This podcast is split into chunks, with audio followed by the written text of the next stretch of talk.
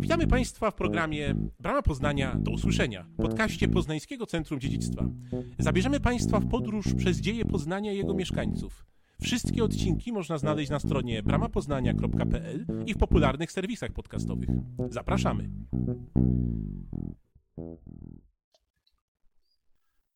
Dzień dobry Państwu, witamy w kolejnym odcinku naszego podcastu Brama Poznania do usłyszenia. Moim i Państwa gościem będzie dzisiaj Pan Mateusz Kęsy z pracowni pszczelnictwa w Uniwersytecie Przyrodniczym w Poznaniu. Dzień dobry Panie Mateuszu. Dzień dobry, witam. I tak jak już Państwo mogli się domyślić ze specjalizacji Pana Mateusza, będziemy sobie dzisiaj rozmawiać w głównej mierze o pszczołach. Możliwe, że gdzieś tam różne inne owady też nam jak najbardziej się pojawią, ale obiecaliśmy sobie przed programem, że dzisiaj przede wszystkim pszczoły i to pszczoły kontekście miejskim. No właśnie, pszczelarstwo miejskie. Jakaś taka może podstawowa różnica między tym wiejskim, miejskim, no bo jednak faktycznie barcie, ule, to wszystko nam się zawsze gdzieś kojarzy z wsią. Tak, faktycznie tutaj to nazewnictwo jest e, różnorodne i odnosi się przede wszystkim do terenu, w jakim hodujemy pszczoły, bo w założeniu chodzi o hodowlę pszczół. Czyli wychodzimy praktycznie od bartnictwa, czyli od takiej starodawnej formy hodowli owadów zapylających, ale tutaj głównie pszczół miodnych i wyłącznie bartnictwo dotyczyło pszczół miodnych, które hodowano w starych drzewostanach. Najczęściej były to drzewa powyżej 100 lat. Drążono czy dziano praktycznie przestrzenie w starych tych drzewach, często na wysokości 10, a nawet wyżej metrów i w tej przestrzeni wprowadzano jak gdyby taką e, konstrukcję ula, jaką mamy współcześnie, czyli innymi słowy ta e, przestrzeń, w której hodowano pszczoły, była praktycznie taka sama, jak jest współcześnie, natomiast wykorzystywano do tego przestrzeń w drzewie. Później e, zaczęto wykorzystywać nawet płody wartne, czyli to były już ścięte pnie drzew, również tych, które miały odpowiedni obwód, czyli też dorodnych drzew najczęściej, i podwieszano je obok, do tych drzew, które były też solidne i wytrzymałe. W ten sposób można było zaplanować konkretnie tą hodowlę pszczół, można było przenosić i łatwiej planować tą hodowlę, ponieważ jeżeli sobie przełożymy na nasze realne jakby środowisko teraz leśne, to wyobrazić sobie, że są takie drzewostany leśne, w których mamy tylko i wyłącznie dużo dorodnych, starych drzew, no jest bardzo trudno, ponieważ jest ich bardzo mało w tej chwili. Cały czas można powiedzieć, że tych drzewostanów o takiej solidnej strukturze jest coraz mniej. W związku z tym barcie i te kłody bartne to była zupełnie jakby taka mhm. pierwotna forma. Później zaczęto od tego odchodzić. Zaczęto wykorzystywać ule drewniane i tworzyć tak zwane kuszki, czyli e, jeszcze inną taką słomianą formę do hodowli pszczół, ale tylko i wyłącznie miodnych. W tej chwili te konstrukcje, które mamy w ramach pasiek, to są ule różnych typów. Mamy e, najczęściej takie rodzaje, które są dostosowane odpowiednio do warunków najczęściej, najczęściej siedliskowych albo związanych z lepszym zimowanie na przykład pszczół. Mamy leżaki, mamy stojaki, e, jeżeli chodzi o ule. Tutaj bardziej w tą specyfikę hodowli może nie będę aż tak mocno wchodził, ale kwestia związana z tym, że pasieki teraz e, na terenach wiejskich czy podmiejskich można powiedzieć, że są troszkę inaczej prowadzone niż, e, może nie inaczej prowadzone, ale mają inne warunki do rozwoju dla tych pszczół niż pasieki miejskie. Załóżmy też tutaj taką kwestię i weźmy pod uwagę, że w miastach no, ta baza pokarmowa często jest ograniczona albo wymuszona przez działalność człowieka. W związku z tym trzeba sobie ugruntowić taką kwestię, że te pszczoły mają najczęściej mm, wymuszoną kwestię lotu związaną z tym, że muszą do konkretnych gatunków drzew polecieć, które często są oddalone nawet od ich miejsca bytowania. Często są to budynki, wieżowce nawet, gdzie te pasieki są umiejscowione.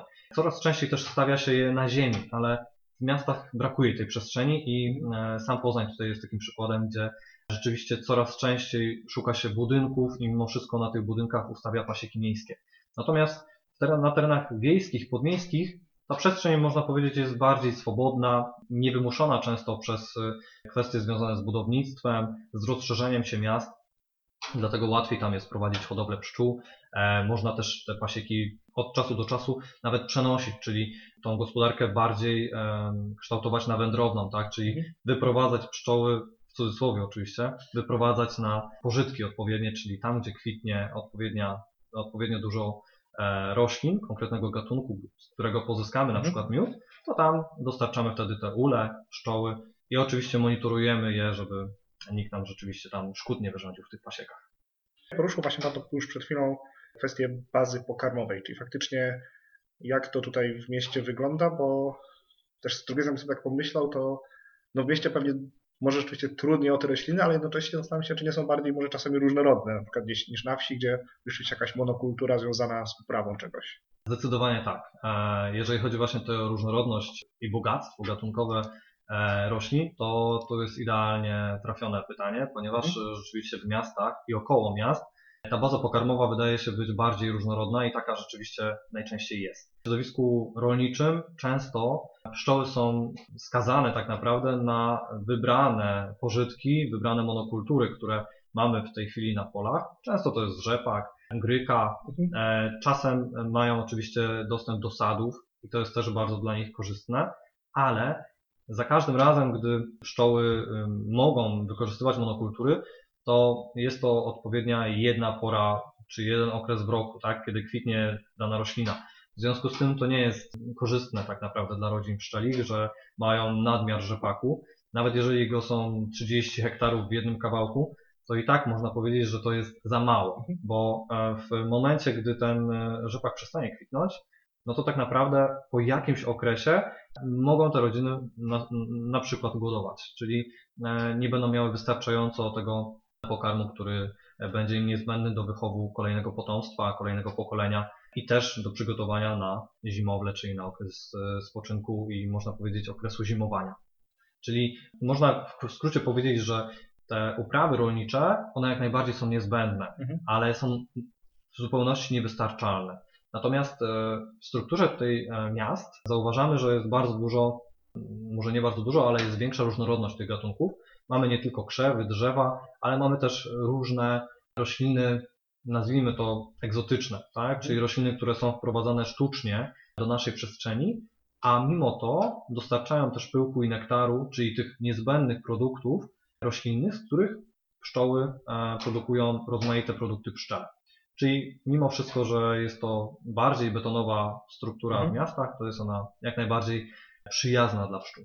przyjazne, ale czy na przykład, tak zakładam, że wielu mogłoby się teraz y, zapytać, tak jak to nawet czasami jest w kontekście gdzieś ogródków warzywnych w mieście, czy w takim razie te wszystkie rośliny nie są jednak bardziej zanieczyszczone, no bo jednak na wsi no przecież mamy świeże powietrze, a tu w mieście auta i spaliny i wszystko inne. Tak, to jest ym, jeden z głównych wątków, bardzo często poruszany, że no na pewno tutaj nie można mówić o ekologicznych produktach, e, na pewno nie można mówić o czystych produktach, że to najczęściej jest skażone i tego typu komentarze bardzo często się pojawiają. Były prowadzone też badania tutaj na terenie Polski, ale też za granicą, które miały przede wszystkim jednoznacznie stwierdzić, czy te produkty są gorszej jakości, lepszej jakości, czy bez zmian. Co się okazało?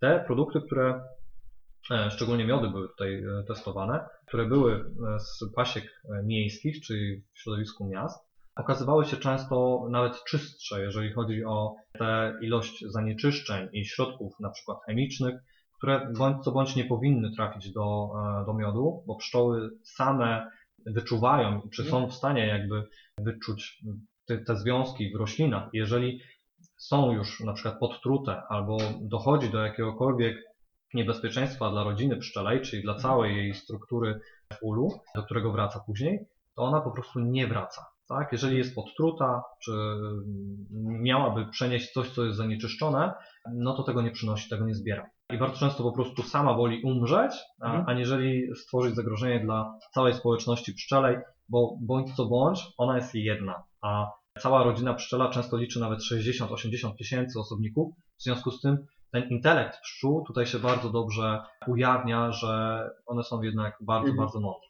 No myślę, że to nawet już taki trochę drugi wątek tej inteligencji, no teraz to, że one potrafią, że tak bym powiedział, wyczuć e, zanieczyszczenia, ale też to, co Pan wcześniej mówił o kwestii, powiedzmy chyba nauczenia się tych egzotycznych roślin, że rzeczywiście polska pszczoła, a potrafi sobie nawet też poradzić i wykorzystać jakieś tropikalne, egzotyczne e, rośliny.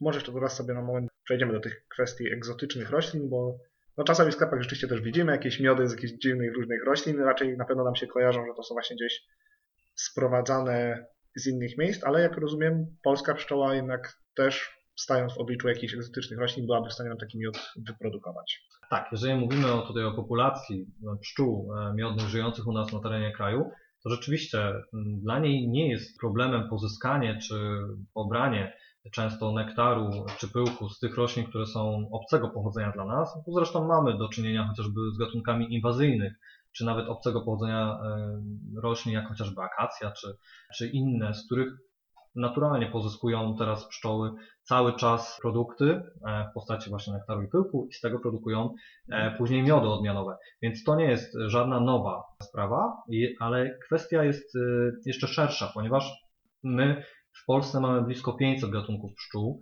więc y, nie tylko jakby skupiamy się na jednym gatunku pszczole miodnej, o której bardzo dużo się mówi ze względu na to, że od niej mamy jak najwięcej tych produktów i to w sumie od niej głównie.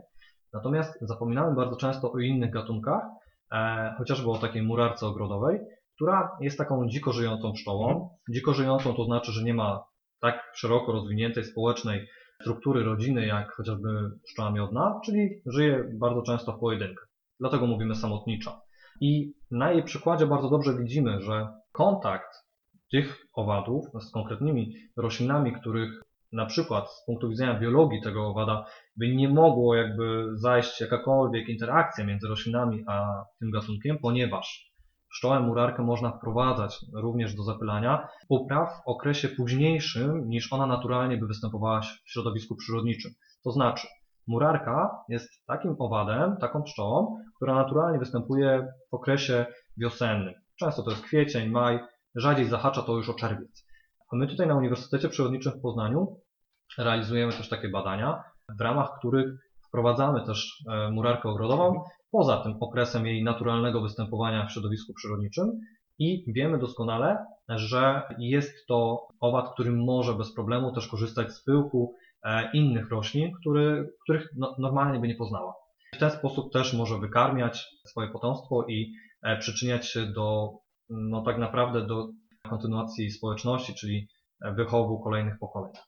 Myślę, że też skręcimy sobie w stronę pszczół jeszcze na chwilę. To cały czas mówimy o pszczołach, ale teraz konkretnie właśnie gatunkowo.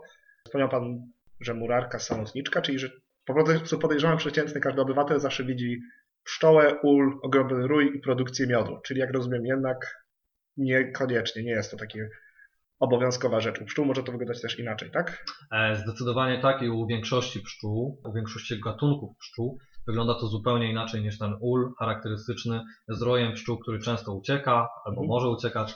Tak, myślę, że to jest takie trochę stereotypowe spojrzenie na, na aktualną też rzeczywistość i aktualny stopień wiedzy. Pszczoły mają bardzo różną biologię, tak, jako gatunki. Jeżeli byśmy weszli tutaj tak bardzo głęboko jakby w tą specyfikę i ich sposób życia, to byśmy troszkę lepiej może zrozumieli to, że niekoniecznie muszą wszystkie pszczoły mieć te ule, niekoniecznie muszą e, żyć w takich środowiskach leśnych, jak dawniej te pszczoły miodne e, hodowano, czy w ogóle skąd, no bo pszczoły wywodzą się z lasu.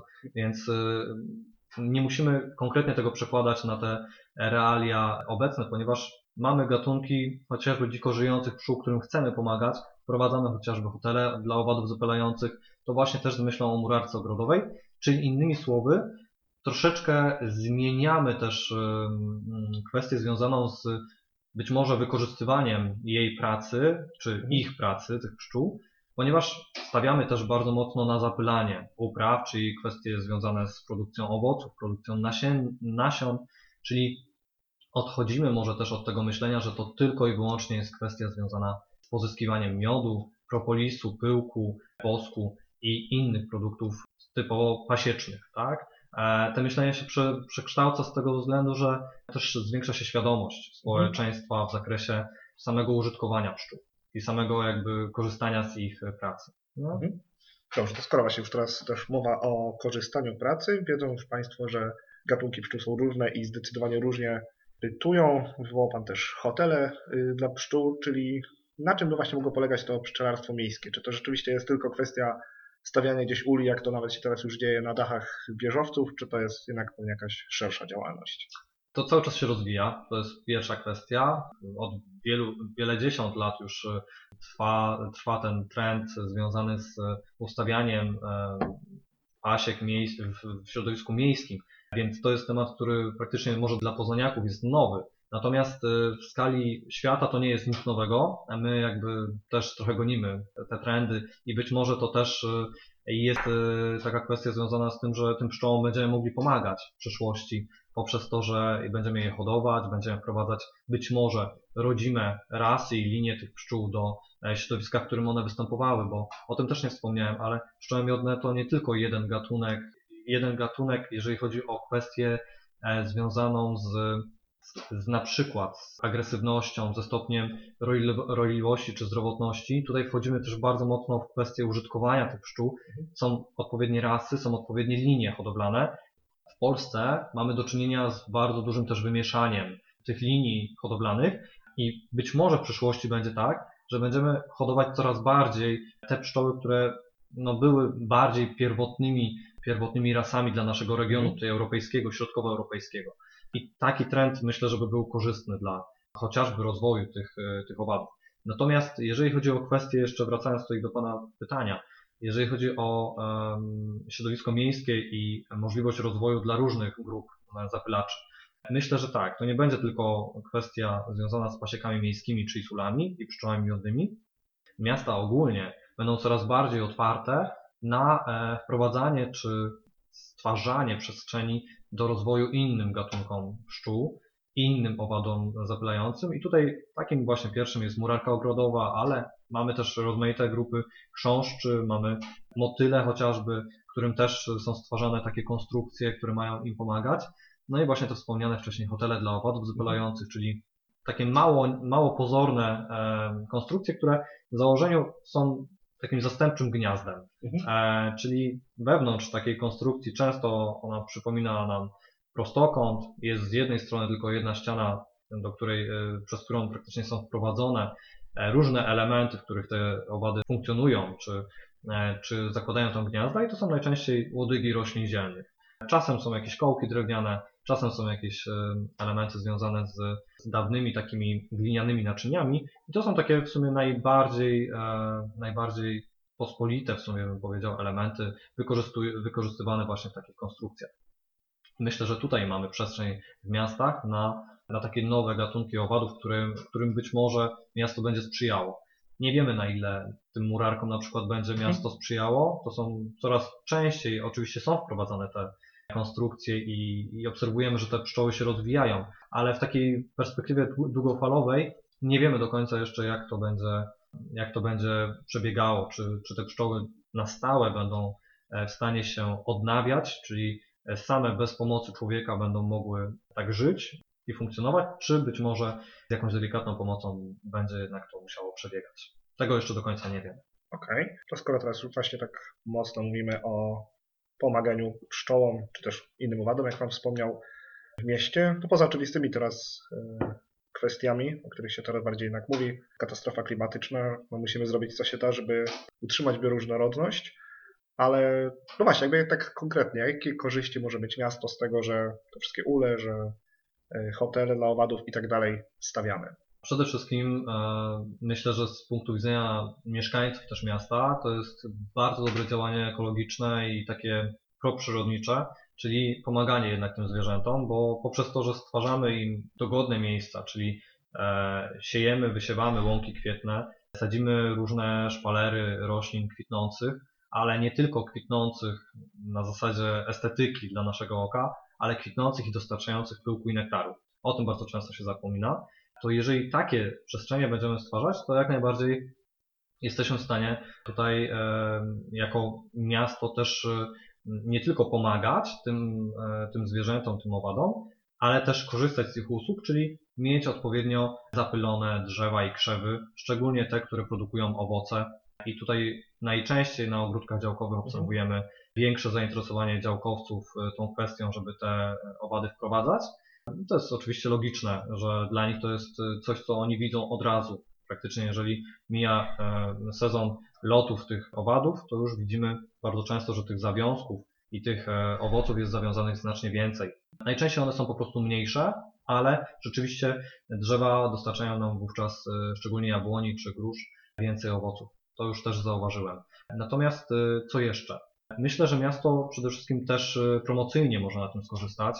W skali naszego kraju chociażby, no jest oczywiście coraz więcej tych miast, które prowadzą u siebie e, taką politykę proekologiczną, proedukacyjną, ale mimo wszystko cały czas jest bardzo duży potencjał jeszcze w tym zakresie, żeby jednak pomagać tym zwierzętom, nie tylko pszczołom, ale różnym grupom zwierząt, które no, przez to, że my im zajmujemy przestrzeń i, e, i coraz bardziej się rozbudowujemy i rozpychamy w środowisku, to jednak zagarniamy im coraz więcej przestrzeni i dla nich jest to na pewno trudniejszy okres w życiu.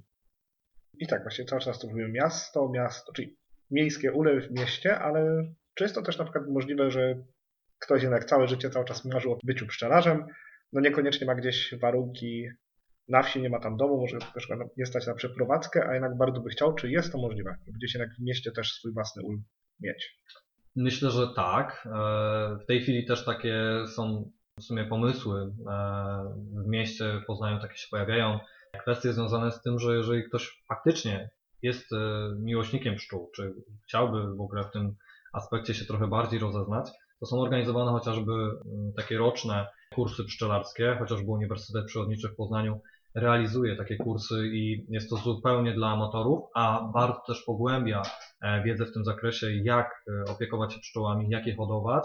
I nie tylko dotyczy to pszczół miodnych, ale też kwestii innych owadów zapylających. Często też mylimy chociażby trzmiele i pszczoły. Tutaj kwestie związane na przykład z trzmielami też są poruszane jako tych owadów zapylających. Co więcej, miasto Poznań też e, bardzo jest e, nastawione na to, żeby zwiększać ilość pasik miejskich. W związku z tym e, w najbliższych latach na pewno będziemy obserwowali większe e, zapotrzebowanie na wykwalifikowanych pszczelarzy, którzy będą pasieki obsługiwać. Dalej, e, myślę, że nie musi to być też e, typowo osoba, która jest po technikum pszczelarskim, ale taka osoba, która będzie przede wszystkim umiała się e, takimi pszczołami zajmować, więc myślę, że tutaj potencjał jest dosyć duży i myślę, że też jest potencjał w tym, żeby wejść w sektor chociażby edukacyjny. Jeżeli ktoś nie ma zaplecza w postaci ziemi, działek, gdzie mogliby, gdzie można by było hodować pszczoły, to można to zrobić we współpracy na przykład z jakimiś organizacjami pozarządowymi, ze szkołami, czyli z e, takimi podmiotami, gdzie ta przestrzeń jest i gdzie przede wszystkim w sposób bezpieczny można by było takie hobby też e, e, nie tylko dla siebie prowadzić czy kreować i rozwijać, ale też z, z pomysłem i z, z pożytkiem dla otoczenia na przykład szkolnego i dla uczniów. A myślę, że to jest też bardzo rozwojowy w tej chwili aspekt i coraz więcej szkół się otwiera na to, żeby chociażby murarkę ogrodową wprowadzać do siebie, ponieważ widzą, że ta pszczoła jest w 100% bezpieczna dla, dla uczniów, dla otoczenia, ponieważ nie żądli. Tak? I to jest też jeden z aspektów, który bardzo często jest poruszany, że pszczoły nie, bo żądlą. I tutaj e, bardzo często kwestia edukacji jest e, niezbędna, żeby te takie niejasności i obawy rozwi- roz, rozwiązywać i rozwiewać. Bardzo często to jest pomocne i faktycznie coraz rzadziej spotykam się z tym, że, że ludzie mają obawy. Tak? Jeżeli faktycznie jest rozmowa, jest edukacja, jest e, ten aspekt związany z merytorycznym przekazaniem informacji o danym gatunku owada, którego wprowadzamy, to faktycznie te obawy mijają. To może na chwilę jeszcze zostanę przy murarce, a w takim razie jakiś inny system obronny, jakiś mają jakąkolwiek formę, może nie przed człowiekiem, no to może dosyć duża istota dla niego, ale przy, przy owadach, wobec innych owadów? E, tak, system obronny e, murarka ma przede wszystkim związany z aparatem e, gębowym, czyli z żuwaczkami, którymi potrafi szczypać. I to jest rzeczywiście e, taka funkcja obronna u tego owada, który przede wszystkim u samiczek widzimy, że jeżeli ją chwycimy w palce, to często próbuje nas uszczypnąć, potrafi uszczypnąć i e, jest to faktycznie odczuwalne, natomiast nie, w żaden sposób nam nie przebije skóry, nie spowoduje nam krzywdy, poczujemy uszczypnięcie. Ale to w momencie, gdy rzeczywiście będzie próbowała się uwolnić. Okej, już naprawdę ją zdenerwujemy, po prostu rozumiem. Dokładnie tak. W tym miejscu, drodzy Państwo, zrobimy małą przerwę i zapraszamy do kolejnego odcinka, w którym ciąg dalszy rozmowy a w nim jeszcze trochę więcej o pszczołach i ulach w mieście, a także bardziej rozwiniemy wątki edukacyjne. Dziękujemy za uwagę i odsłuchanie naszej audycji.